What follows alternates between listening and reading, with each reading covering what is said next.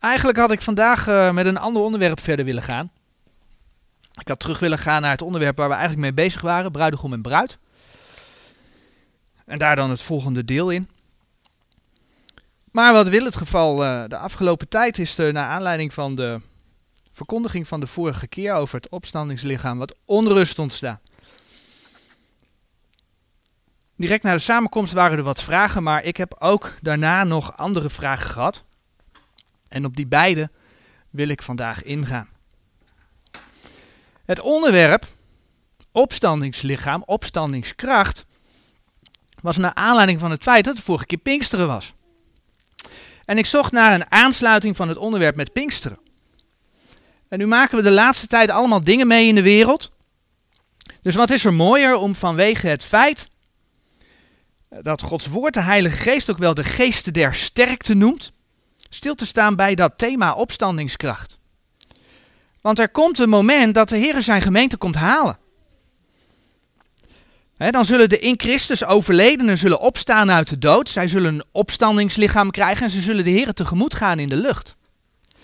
Maar ook als we op dat moment in leven zijn, zullen we overkleed worden, zullen we een opstandingslichaam krijgen en samen met hen de Heer tegemoet gaan in de lucht. Dat is een geweldige belofte die de gemeente heeft. En zo kwam ik bij dat opstandingslichaam. En juist als we dan in deze tijd allemaal nare dingen meemaken, of nog niet zozeer meemaken, maar wel op ons afzien komen, is het mooi dat we elkaar daarmee kunnen vertroosten. Wat 1 Thessalonicense 4 vers 18 zegt, vertroost elkander. De tekst in Matthäus 4, 24 vers 7, waar we al vaker bij stil hebben gestaan, waar ik voorbeelden van voorbij heb laten komen, spreekt over hongersnoden, pestilentie, aardbevingen. Daar hebben we recente voorbeelden van gezien. Maar dat vers spreekt ook over het ene volk zal tegen het andere volk opstaan en het ene koninkrijk tegen het andere koninkrijk. Het vers ervoor, Matthäus 24 vers 6, spreekt over oorlogen en geruchten van oorlogen. Nou, als je nu het internationale nieuws een beetje bekijkt, dan lijkt met corona ook een hele onrustige periode aangebroken te, zijn. Er ontstaat door alle gebeurtenissen rond corona ja, spanning tussen Amerika en China. En we kennen ondertussen de rellen in Amerika doordat een agent daar iemand vermoord heeft. Maar die rellen beperken zich niet tot Amerika. Je ziet dat er in Israël uh, rellen zijn. Je ziet dat er in Europa overal demonstraties zo niet rellen zijn. Het verspreidt zich over de wereld. Ik noemde de vorige keer al de spanning tussen Iran en Israël. Zo schijnt uh, Iran op het ogenblik de legers aan de grens met Israël te hebben liggen. Of de legers, maar in ieder geval meer manschappen. Maar ook Egypte is bezig. En dan met, met de grens met Libië. Het leek dat er tussen Amerika en Noord-Korea overeenkomsten waren, waardoor daar wat rust was. Maar wat zien we gebeuren? Noord-Korea begint Amerika weer te dreigen. En zo las ik onlangs dat ook India en China allerlei spanningen opbouwen.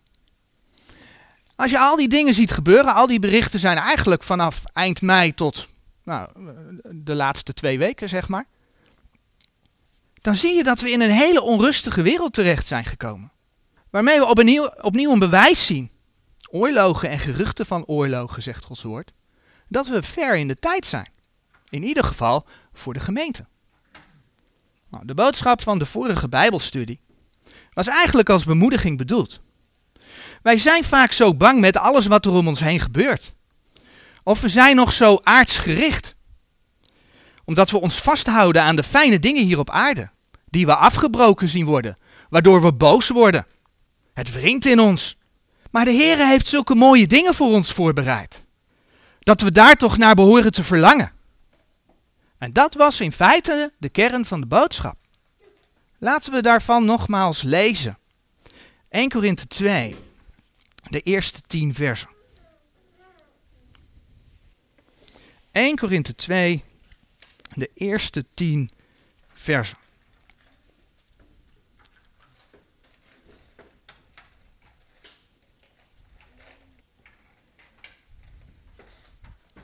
En ik, broeders, als ik tot u ben gekomen, ben niet gekomen met uitnemendheid van woorden of van wijsheid, u verkondigende de getuigenis Gods.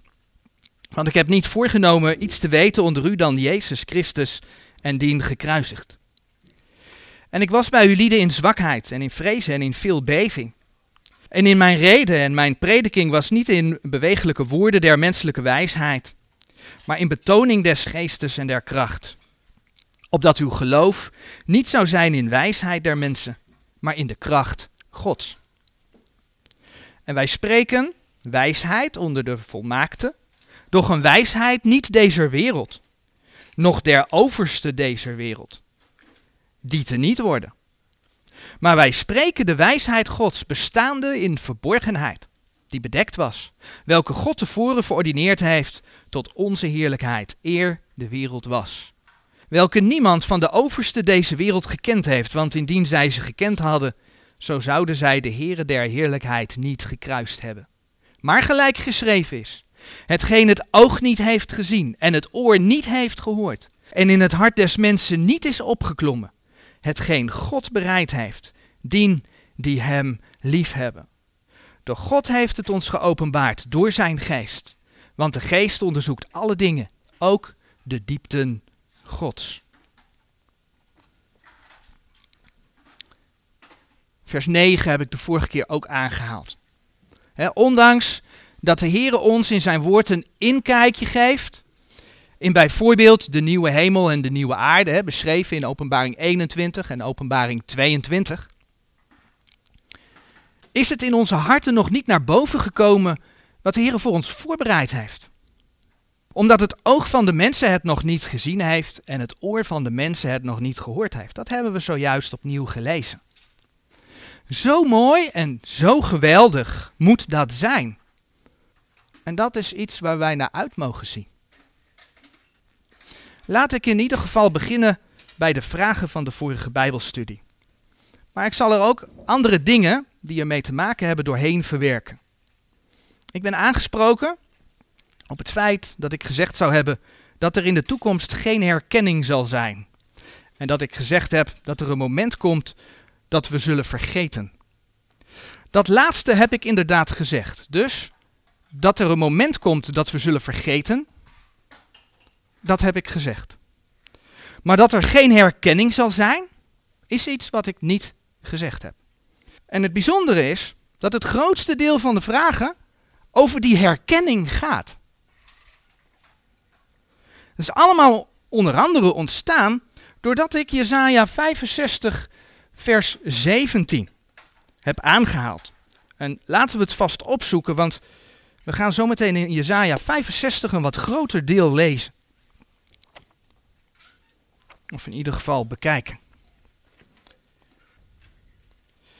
En dan beginnen we met het lezen van Jesaja 65, vers 17. Want zie, ik schep nieuwe hemelen en een nieuwe aarde. En de vorige dingen zullen niet meer gedacht worden en zullen in het hart niet opkomen. Dat is wat Jesaja 65, vers 17 over de nieuwe hemel en de nieuwe aarde zegt.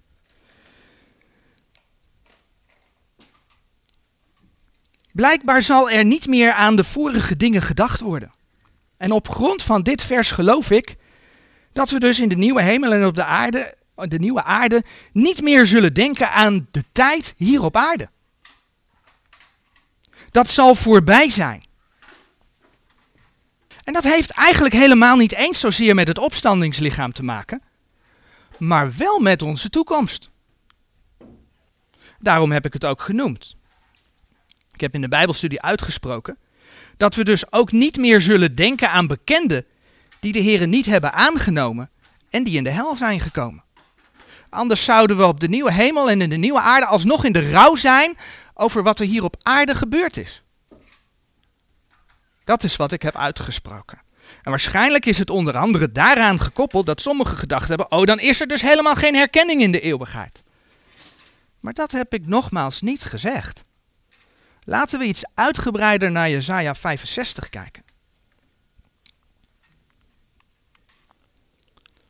Het grootste deel van Jesaja 65 gaat over het duizendjarig vrederijk. Dus als we naar de tijdlijn kijken, en we leven nu in de gemeentetijd, aan het eind van de gemeentetijd, omdat de Heer ons bijna komt halen, krijgen we daarna de grote verdrukking. Dan komt de Heer terug met de zijnen, dan krijgen we het duizendjarig vrederijk. Pas daarna zal de aarde door vuur vergaan en het nieuwe hemel en de nieuwe aarde zal aanbreken. Het nieuwe Jeruzalem zal naar beneden komen en dan is er sprake van de nieuwe hemel en de nieuwe aarde. Jezaja 65 gaat grotendeels over het duizendjarig vrederijk. Het begin van Jezaja 65 gaat over het ongehoorzame Israël. Als je in Jezaja 65 vers 1 en 2 kijkt, dan zie je dat. En als je dan in vers 6 en 7 kijkt, dan zie je dat de Heere hen zal vergelden. God zegt, jullie luisteren niet naar mij, jullie volgen de afgoden.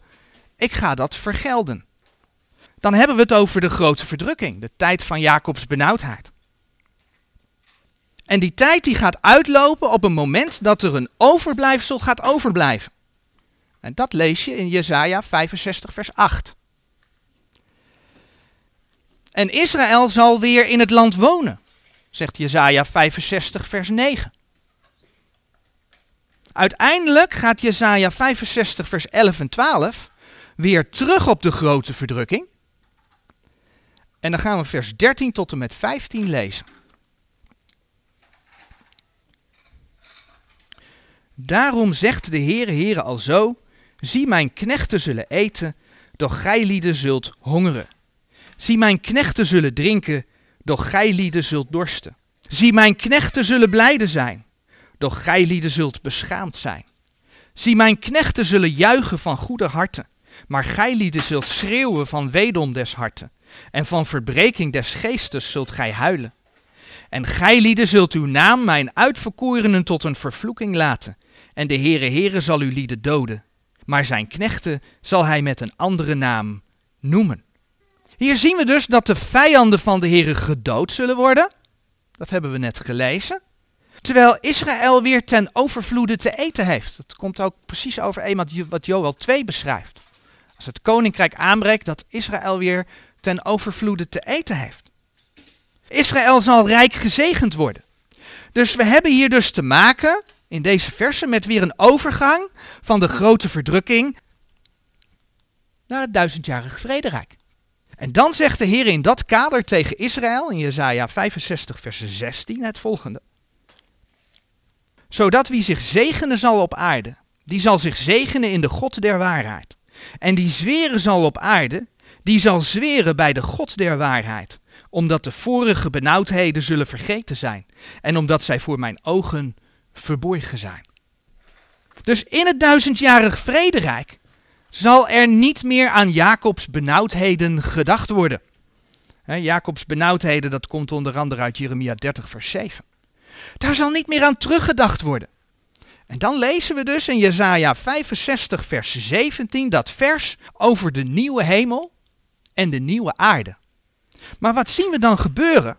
In de Bijbel, de GBS-editie, staat er boven Jesaja 65, vers 17 een kopje. En dat kopje geldt dus voor de versen 17 tot en met 25. En dat is niet alleen zo in de GBS-editie, dat is ook in de Statenvertaling editie 77 zo.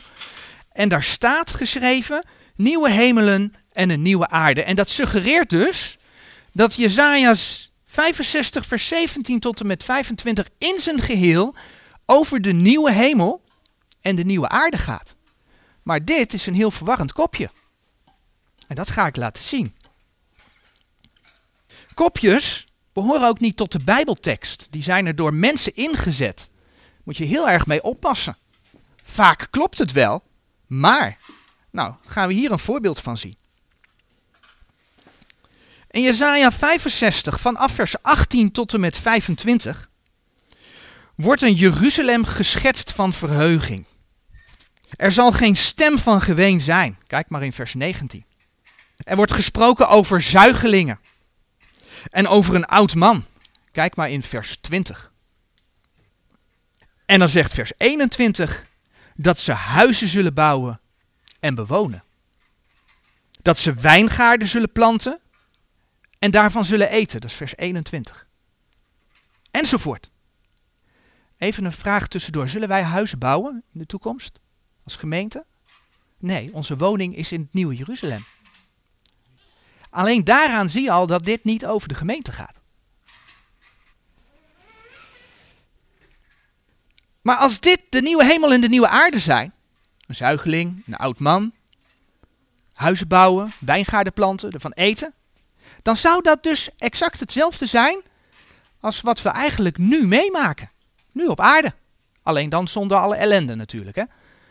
Gewoon leven zoals we nu leven. Zou dat betekenen?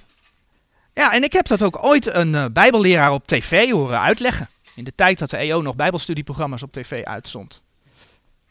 Die had het over dat het volgens hem in de opstanding waarschijnlijk zo zal zijn, ja, eigenlijk als nu, alleen dan met een opstandingslichaam. Dat was zijn visie daarbij. Even een korte vraag. Regeren wij ook nu al met Christus? Nee. Maar kijk eens wat er staat in Jesaja 65 vers 20. Vandaar zal niet meer wezen een zuigeling van weinige dagen, nog een oud man die zijn dagen niet zal vervullen, want een jongeling zal sterven, honderd jaar oud zijnde. Maar een zondaar, honderd jaar oud zijnde, zal vervloekt worden. Dat kan niet over de nieuwe hemel en de nieuwe aarde gaan, want wat openbaart openbaring 21 vers 4? En God zal alle tranen van hun ogen afwissen en de dood zal niet meer zijn. Nog rouw, nog gekrijt, nog moeite zal meer zijn, want de eerste dingen zijn weggegaan. Mooi hè, de eerste dingen zijn weggegaan. Er zal geen dood meer zijn. Wat betekent dat? Dat betekent dat Jesaja 65, vers 18 eh, tot en met 25, gaat over het duizendjarige vrederijk. En dat betekent dat alleen Jesaja 65, vers 17 gaat over de nieuwe hemel en de nieuwe aarde. Ondanks dat mensen in het duizendjarig vrederijk heel oud worden, zullen ze blijkbaar nog wel sterven. En zoals gezegd, dan gaat het dus niet over de gemeente. Want die gemeente die is opgenomen en die heeft al het opstandingslichaam gekregen. Dat gaat niet over de gemeente. Maar in het duizendjarig vrederijk zullen er volken op de aarde wonen. En die volken die op de aarde zullen wonen, die zullen gewoon ook huizen bouwen, wijngaarden planten, leven, man en vrouw zijn, kinderen krijgen. Het leven op aarde in het duizendjarig vrederijk. En dat beschrijft het grootste deel van Jesaja 65. Wat je dus ziet is in Jesaja 65 dat er maar één vers over de nieuwe hemel en de nieuwe aarde gaat. En niet die hele, die hele, dat hele stuk. Soms lezen we meerdere bedelingen in een gedeelte of zelfs in één vers. En dat heeft te maken, daar hebben we ooit wel bij stilgestaan, met die toppen van de profetie. Profeten zagen soms gewoon duizendjarig vrederijk en de nieuwe hemel en de nieuwe aarde als één. En wij mogen het woord recht verdelen, zodat we weten wat gaat nu over het duizendjarige vrederijk en wat gaat nu over de nieuwe hemel en de nieuwe aarde. En dan zegt Jesaja 65 vers 17, want zie ik schep nieuwe hemelen en een nieuwe aarde. En de vorige dingen zullen niet meer gedacht worden en zullen in het hart niet opkomen. Uiteindelijk komt er dus een situatie, maar dan zijn we het duizendjarig vrederijk voorbij. Maar komt er een situatie waarbij we niet meer aan de voorgaande dingen zullen terugdenken? En ik geloof dat dat breder is dan alleen de benauwdheden van Jacob. En bladeren we naar 1 Korinthe 13. Want, zeggen mensen dan, hoe kan dat nou dat we vergeten? Want we zullen toch juist alle dingen weten. Ja, in 1 Korinthe 13 vers 12, daar staat geschreven. 1 Korinthe 13 vers 12.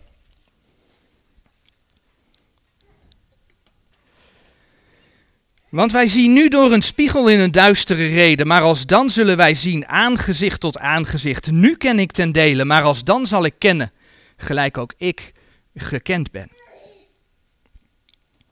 Nu zit er een spiegel tussen ons en de Heer Jezus. Dat hebben we net gelezen. Die spiegel, kun je in Openbaring 4, vers 6 vinden, is die glazen zee. Waar Gods troon boven staat. Openbaring 4, vers 6. Dat is een bevoren laag, hebben we ooit wel eens tussen, uh, bij stilgestaan. Tussen ons en de derde hemel. Maar als we hem tegemoet gaan, dan zullen we hem zien van aangezicht tot aangezicht. De Heere kent ons door en door, nu al. Maar dan zullen ook wij alles kennen. Maar de vraag is, waar zullen wij volledig zicht op hebben? Betreft dat alles op aarde zoals deze nu is? De benauwdheden worden toch ook niet meer herdacht? Als je naar de context van 1 Korinthe 13 gaat kijken, dan zie je dat daar sprake is over kennis. Dan zie je dat er sprake is van kennis, van profiteren. Dat gaat over dingen van de Here.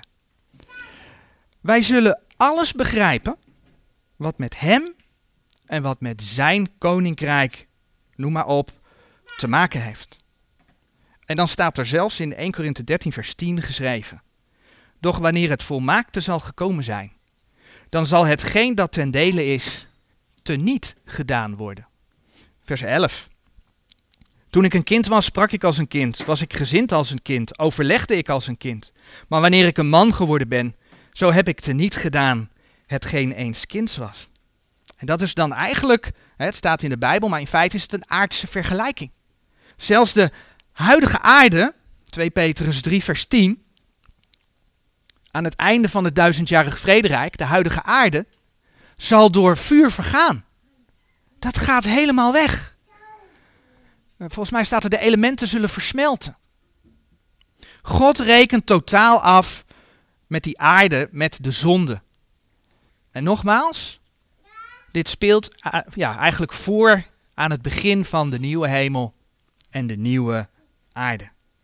Want voor de rechterstoel van Christus, en als ik het over de rechterstoel van Christus heb, ook goed om aan te geven, dan heb ik het niet over de grote witte troon. Het laatste oordeel vindt plaats aan het eind van het duizendjarige vrederijk.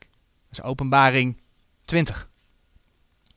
Maar als wij opgenomen worden, zullen we voor de rechterstoel van Christus verschijnen. Dat is een ander oordeel.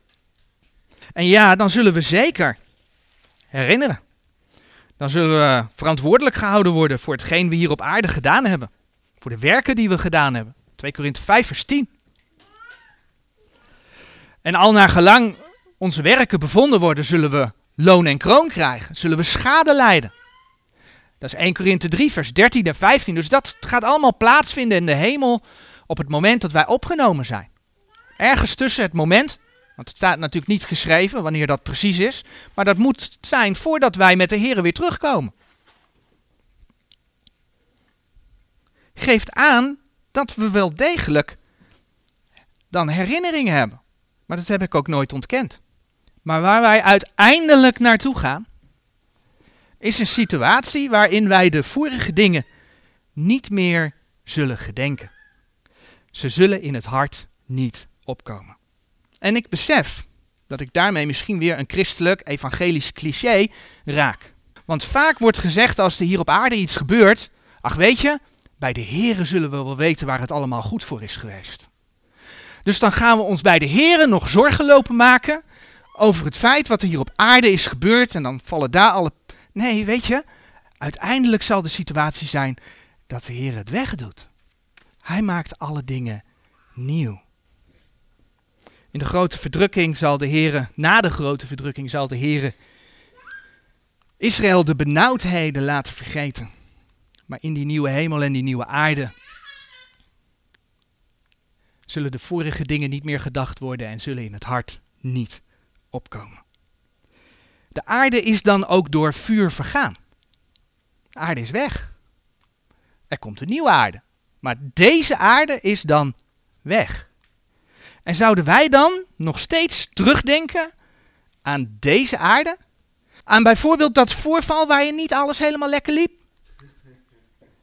Of misschien de dingen die we fijn vonden. Schutting kwam even ter sprake. Ja, we zijn heel blij met onze schutting. Maar denk je werkelijk dat ik daar op de nieuwe hemel en de, en de nieuwe aarde nog over terugdenk? Het is daar zoveel mooier. Hij maakt, openbaring 21 vers 5, alle dingen nieuw. Alles wordt nieuw. Alles. En daar gaat het dus uiteindelijk naartoe. En ik denk dat wij gewoon niet beseffen dat we Hem kennen, dat we Hem mogen kennen, hoe rijk gezegend wij zijn. Want wij zijn gewoon deel van die toekomst. Een ander punt. Waardoor men misschien gedacht heeft dat er helemaal geen herkenning meer zal zijn, is het feit dat ik benadrukt heb dat het opstandingslichaam een mannelijke verschijningsvorm zal hebben. Ook daar wil ik graag nader op ingaan. Ik heb onder andere de tekst in Lucas 20, vers 34 tot en met 36 en de tekst in Matthäus 22, vers 29 en 30 aangehaald. En de vergelijking met de engelen gemaakt. En om even heel duidelijk te zijn, ik heb niet gezegd dat wij engelen gaan worden. Ik niet gezegd. Maar er is wel een vergelijking gemaakt, omdat de Bijbel zegt dat we zullen zijn als engelen Gods in de hemel. De vergelijking is dus bijbels. Wat ik verder heb laten zien, ik ben er niet heel diep op ingegaan, maar ik heb wel de teksten aangehaald, omdat we daar al eerder bij stilgestaan hebben, is dat elke engel die in de Bijbel verschijnt, een mannelijke verschijning is. Een engel wordt altijd herkend als een man. Ook heb ik laten zien dat Filippenzen 3 vers 21 spreekt over het feit dat wij gelijkvormig zullen worden aan het heerlijk lichaam van de Heer Jezus. En ik heb laten zien dat Romeinen 8 vers 29 zegt dat wij het beeld zijn zoons gelijkvormig zullen zijn, zullen worden. Gelijk. Wij gaan niet de Heer Jezus worden, hè? maar gelijk aan zijn beeld. Wij zullen het beeld zijn zoons gelijkvormig zijn. En dan zegt Romeinen 8 vers 29, en ik kom daar straks nog op terug, opdat hij de eerstgeborene is onder vele broederen. We zullen die tekst straks nog opzoeken. Allemaal teksten die laten zien dat wij echt de Heer Jezus gelijk zullen worden. En de Heer Jezus was Gods zoon. De Bijbel spreekt dan ook over het feit dat als mensen de Heer Jezus aannemen, dat zij kinderen Gods worden. Maar dan komt hij, dat is het woord dat de Statenbijbel gebruikt. En dan wil ik graag laten zien wat de Engelse Reformatiebijbel, de King James Version, daar zegt.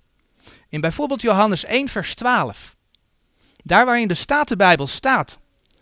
Maar zoveel hem aangenomen hebben, die heeft hij macht gegeven kinderen Gods te worden, namelijk die in zijn naam geloven.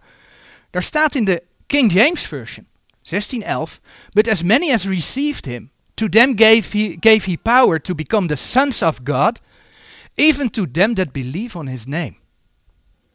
Gelovigen worden zonen van God. Dat is wat daar staat. En dat geldt dan voor man en vrouw. En ik geloof nog steeds dat de Heer zijn woord voor Nederland in de Statenbijbel bewaard heeft. Ik zeg ook niet, door dit verschil, dat nu de Statenbijbel fout is en de Statenbijbel ook maar aangepast moet worden. Want dat is dus altijd wat er gebeurt, hè?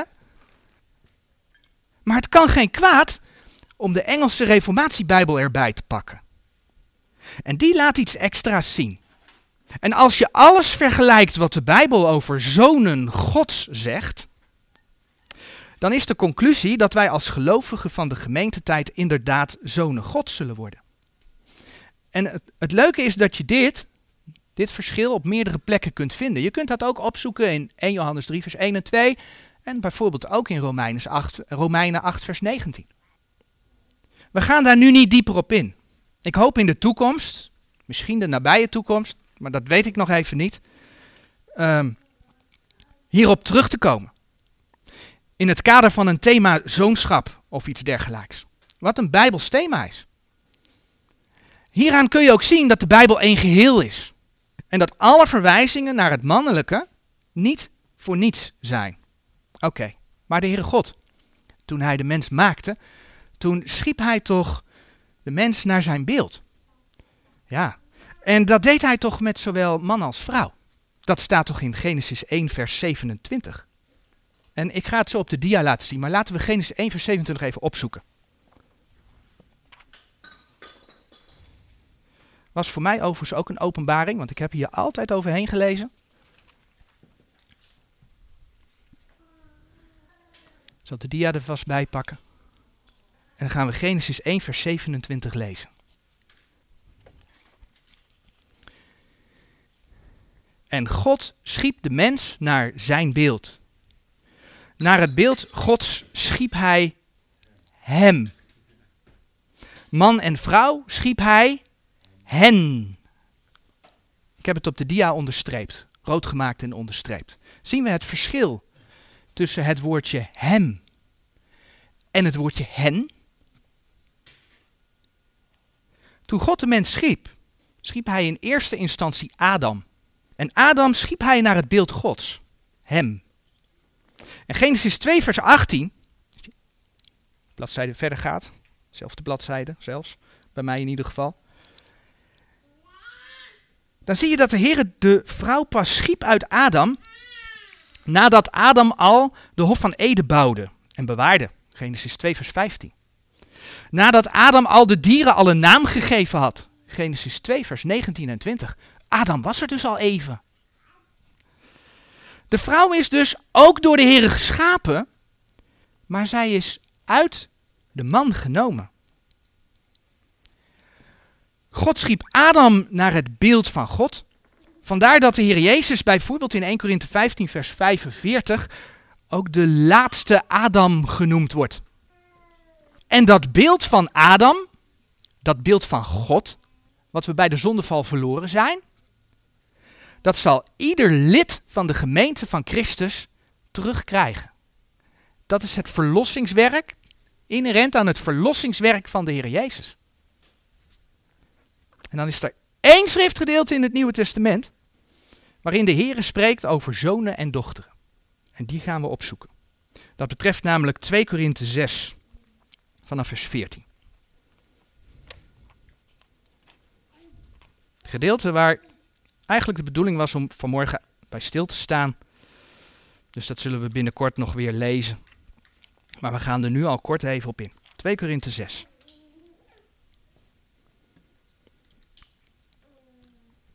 En eigenlijk met name vers 18. Vers 18 zegt, ik, en ik zal u tot een vader zijn, en gij zult mij tot zonen en dochteren zijn, zegt de Heere, de Almachtige. Dit gedeelte is natuurlijk gericht aan de gemeente. Het staat in de eerste Korinthebrief. Sorry, tweede Korinthebrief. Maar het betreft de gemeente op aarde. En als je dan naar de context kijkt, dan zie je dat het een oproep is om niet te vermengen met de ongelovigen. Welke opdracht had het volk van God Israël in het Oude Testament onder de wet? Israël had de opdracht om zich niet te vermengen met de heidevolken. Een voorbeeld vind je in Deuteronomium 7, vers 3 tot en met 5. Maar daar kun je veel meer voorbeelden van, van vinden. Israël mocht zich niet vermengen met de heidevolken. En wat we in dit gedeelte zien gebeuren is dat Paulus, de Here door Paulus, het Oude Testament citeert voor ons als voorbeeld. Het is bijvoorbeeld de versen 16 tot en met 18 zijn een voorbeeld van citaten uit Leviticus 16, vers 11 en 12, Jezaja 52, vers 11, Jeremia 31, vers 1 of Jezaja 43, vers 6 en 7. Dus Paulus haalt het Oude Testament aan. Het is dus leerstellig van toepassing op Israël. Maar de Heere geeft door Paulus een geestelijke les voor de gemeente. Zoals Israël zich niet moest vermengen met de heidenvolken, zo wil hij dat wij ons ook niet vermengen met de ongelovigen. Daar gaat dat gedeelte over. En wat wil het geval? Over Israël op aarde spreekt de Heere uh, dikwijls als over zonen en dochteren. Je kunt dat bijvoorbeeld vinden in Jesaja 43 vers 6 en 7. Het is als voorbeeld genomen voor de gemeente. Maar om dat nu als bewijs, en notabene het enige bewijs, want van de andere teksten is er een veel groter bewijs, te nemen. Dat het opstandingslichaam ook een dochter, een vrouwelijke vorm kan zijn, dat is niet bijbels te onderbouwen. Maar, zegt iemand, stel dat een familielid van mij zou opstaan, een vrouwelijk familielid, en die zou mij verschijnen, dan zou ik die niet herkennen als een, komt dat herkennen weer terug, dan zou ik die niet herkennen als, als ze een mannelijk opstandingslichaam had. En ja, toen de Heer Jezus stierf en opstond, zijn vele oud-testamentische heiligen aan mensen verschenen. Dus die werden herkend. Tot zover even het stel dat. Laten we de tekst die daarover gaat in Matthäus 27 opzoeken.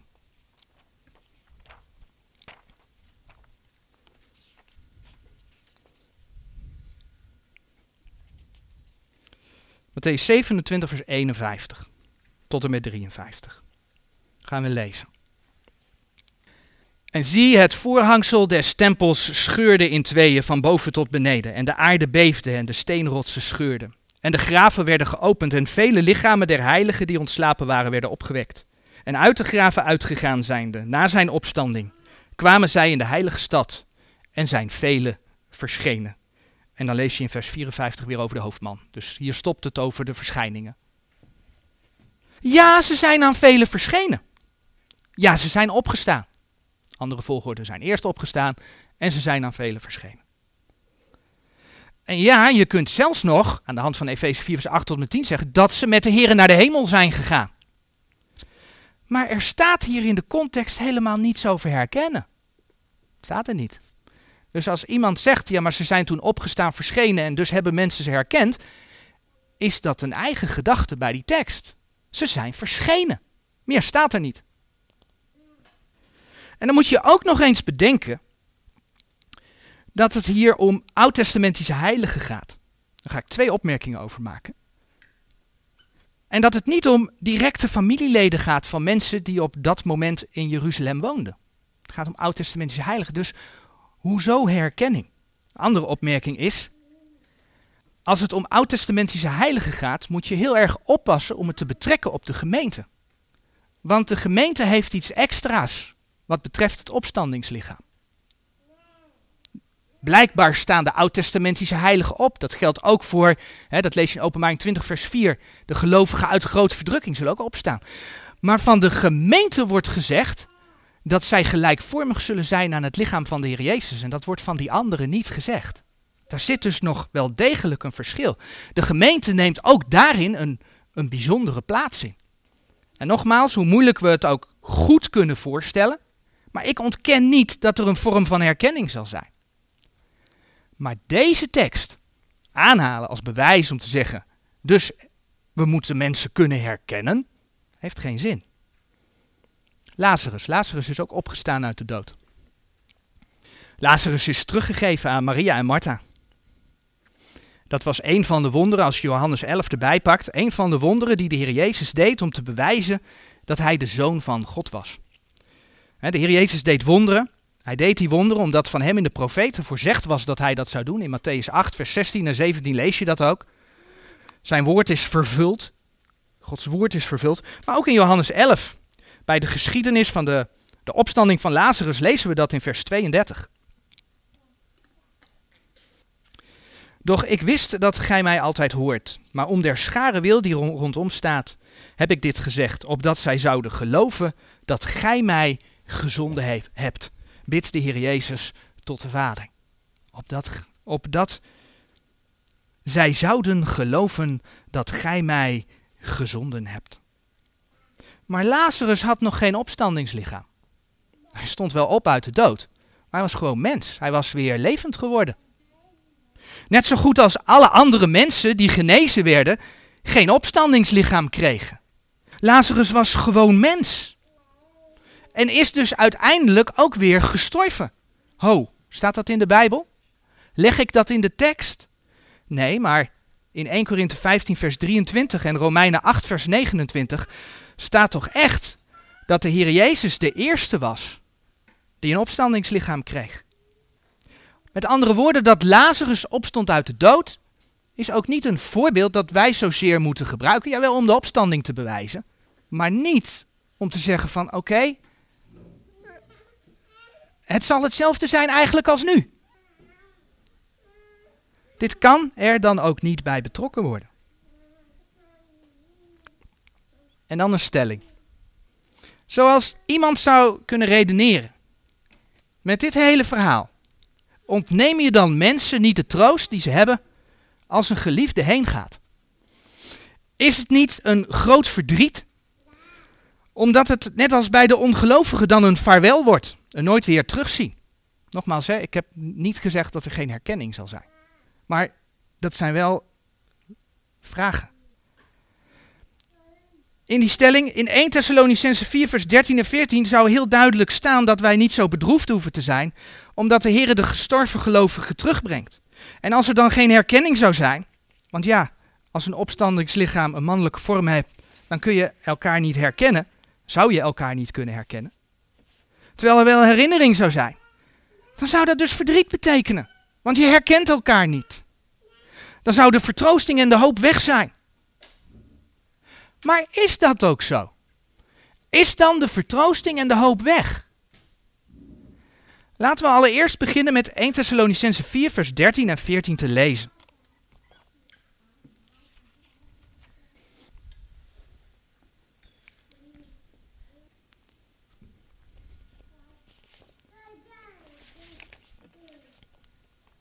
...1 Thessalonicense 4 vers 13 en 14. Doch broeders, ik wil niet dat gij onwetende zijt van degenen die ontslapen zijn, opdat gij niet bedroefd zijt, gelijk als de anderen die geen hoop hebben. Want indien wij geloven dat Jezus gestorven is en opgestaan, alzo zal ook God degenen die ontslapen zijn in Jezus wederbrengen met hem. Mensen die de Here niet kennen, hebben geen hoop. dat zegt ook Efeze 2 vers 12. Ja, ze denken dat het leven afgelopen is. Er is hierna niks omdat ze niet weten dat er een eeuwig leven is. Volgens deze tekst zijn wij niet bedroefd. En wat zijn dan de redenen die gegeven worden? Omdat we zullen opstaan en met hem zullen terugkomen om met hem te regeren. Dat is wat er staat. Daar staat niet bijgeschreven dat we elkaar vervolgens zullen herkennen. Om ook nog eens door te leven zoals we op aarde deden. Even denkend aan wat dus die tv Bijbelleraar ooit zei. Wat ik aangehaald heb. Wij hebben hoop en vertroosting omdat we eeuwig leven hebben. Omdat we de Heer Jezus gelijkvormig zullen worden. Titus 1 vers 2 spreekt over in de hopen des eeuwigen levens. Titus 2 vers 13 zegt, verwachtende de zalige hoop en verschijning der heerlijkheid van de grote God en onze zaligmaker Jezus Christus. Onze hoop is dat wij hem verwachten. Onze troost hoort te liggen bij wat de Heer voor ons voorbereid heeft. En dat dat goed is. Want dat is wat de Bijbel heel duidelijk vertelt. Dat is goed. Ons geestelijk lichaam zal anders zijn dan ons aardse lichaam. We hebben de vorige keer in 1 Korinthe 15 duidelijk gezien dat dat geschreven staat. Natuurlijk zijn we het wel zelf, want onze ziel, wat we zelf zijn, is nu al behouden. Maar die ziel krijgt een ander lichaam.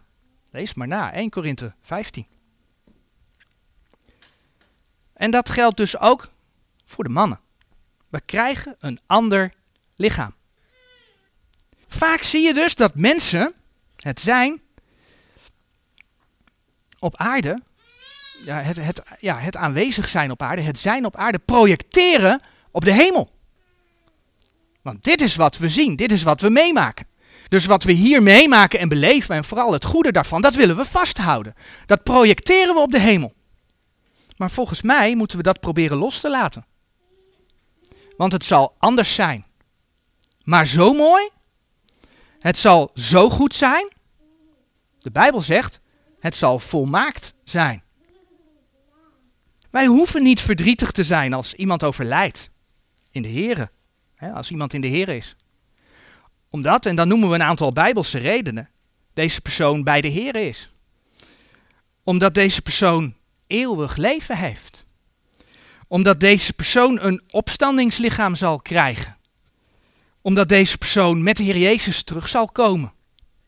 Omdat deze persoon dingen krijgt die zo mooi zijn, zo bijzonder zijn, dat wij, er nog niet, dat wij het nog niet gezien hebben, dat wij het nog niet gehoord hebben. Dat zijn bijbelse redenen waarom wij niet verdrietig hoeven te zijn. En zoals gezegd ook, ik geloof dat er een vorm van herkenning zal zijn. Maar ga maar eens in de Bijbel zoeken. En probeer maar eens een tekst te vinden waar letterlijk staat dat onze troost is dat wij de mensen weer zullen zien. En ze zullen herkennen. Ga maar zoeken. Ik ben het nog niet tegengekomen, nergens. En mocht je een plek weten, laat het me dan weten, want daar heb ik er overheen gelezen. Maar het staat niet geschreven. Maar hoe dat herkennen precies zal zijn, dat weet ik dus niet. Maar we weten zoveel wel. Het probleem is dat wij ons niet aan dat aardse moeten vasthouden. Wij moeten verder kijken. Want als je wel op het aardse blijft zien, als je dat vast blijft houden, als je dat blijft projecteren op het hemelse, dan heb je wel een probleem. Of misschien niet jij, hè, als je het fijn hebt hier op aarde en dus denkt, nou, het zal daar ook wel zo fijn zijn zoals ik het hier heb. Of als je een van de gelukkigen bent met een goed huwelijk. Hè, want we hebben het natuurlijk over die tekst dat, dat er in de hemel niet gehuwd wordt en zo. Vandaar ook die vergelijking weer. Maar dat geldt niet voor iedereen. Wat met al die mensen in de hemel die niet verder kunnen leven zoals ze op aarde leefden? En dan hoeft dat nog niet eens direct met zonde te maken te hebben. Denk aan het voorbeeld van de Sadduceeën, Lucas 20, vers 27 tot en met 40, wat ik ook de vorige keer heb aangehaald. Iemand die volledig volgens de wet zeven, uh, een vrouw die volledig volgens de wet zeven mannen had gehad. Alle stierven ze, uiteindelijk zij ook. En dan denken de Sadduceeën, die niet in de opstanding geloven, een punt te hebben. En die stellen de Heer Jezus de vraag. Je kunt hem vinden in Lucas 20, vers 33. In de opstanding dan, wiens vrouw van deze zal zij zijn? En juist in dat geval antwoordt de Heer Jezus dat trouwen en ten huwelijk gegeven worden van deze eeuw is. Dat hoort bij nu, dat er in de opstanding niet gehuwd wordt. Lucas 20, vers 34 en 35. Dus deze vrouw heeft dat probleem in de eeuwigheid helemaal niet. Dat is toch een duidelijk voorbeeld. Het bevestigt dat wij het leven van hier en nu niet terug moeten willen hebben. Want wat de Heer bereidt heeft voor ons is vele malen mooier. Dus ja, in het koninkrijk op aarde, het duizendjarig vrederijk, zullen baby's en oude vandaag zijn. Dat hebben we vanmorgen in Jezaja 65 gezien. Maar dat heeft niets met de gemeente te maken. Iemand die vandaag de dag een baby heeft en bij de Heer Jezus hoort, die ziet zijn of haar baby terug met een opstandingslichaam. Zonder ziekte, zonder pijn, zonder verdriet, maar dus ook volmaakt. Dus ook geen ouderdom. Dus baby's zullen een wat wij ja, volwassen lichaam noemen hebben. Baby's hier op aarde, omdat er bij de Heren dan geen baby's zijn. Ze zullen gelijkvormig worden aan het beeld Gods, het eh, beeld van Gods Zoon, Jezus Christus. Heb je ooit wel eens afgevraagd hoe een baby die opgenomen wordt anders kan meeregeren in het koninkrijk van Christus?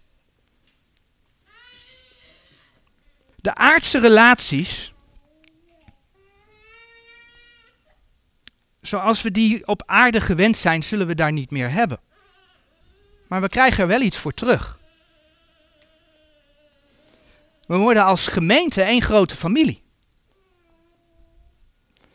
Ik heb één aardse broer.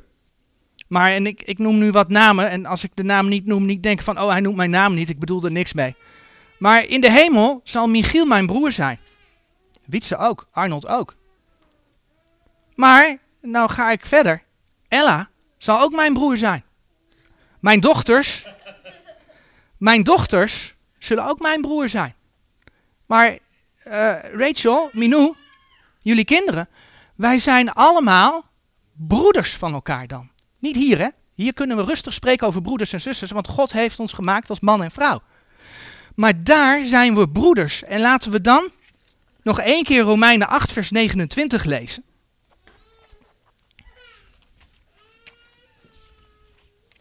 Romeinen 8, vers 29.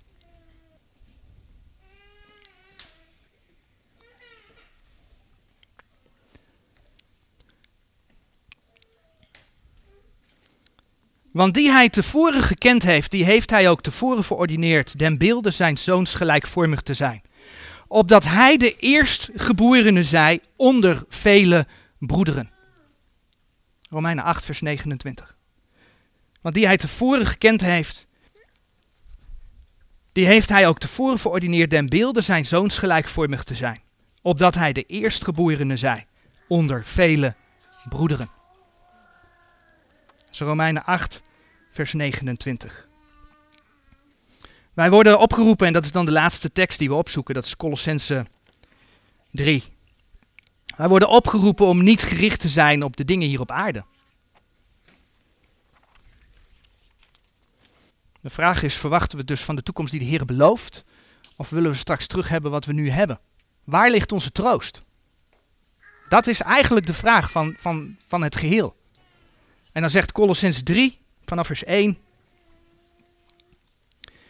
Indien gij dan met Christus opgewekt zijt, zo zoekt de dingen die boven zijn. Waar Christus is, zittende aan de rechterhand Gods. Bedenk de dingen die boven zijn, niet die op de aarde zijn. Want gij zijt gestorven en uw leven is met Christus verborgen in God. Wanneer nu Christus zal geopenbaard zijn die ons leven is, dan zult ook gij met hem geopenbaard worden in heerlijkheid. En zo zijn er veel meer plaatsen aan te wijzen dat we juist los moeten komen van het aardse. Onze troost is dus niet dat we elkaar gaan terugzien, wat ik dus niet eens ontken, dat we elkaar zullen weerzien, maar het zal anders zijn dan dat we het nu kennen op aarde. Onze troost is dat degene die heen gegaan is, het geweldig goed heeft. En dat we daar ook eens zelf zullen zijn. En als we naar de tekenen der tijden kijken, misschien wel sneller dan dat we een tijdje terug gedacht hadden. Maar dat is aan de heren, want we weten de dag of de uur niet. Maar het zal goed zijn. Dat is waar we naartoe gaan. Tot zover voor vandaag.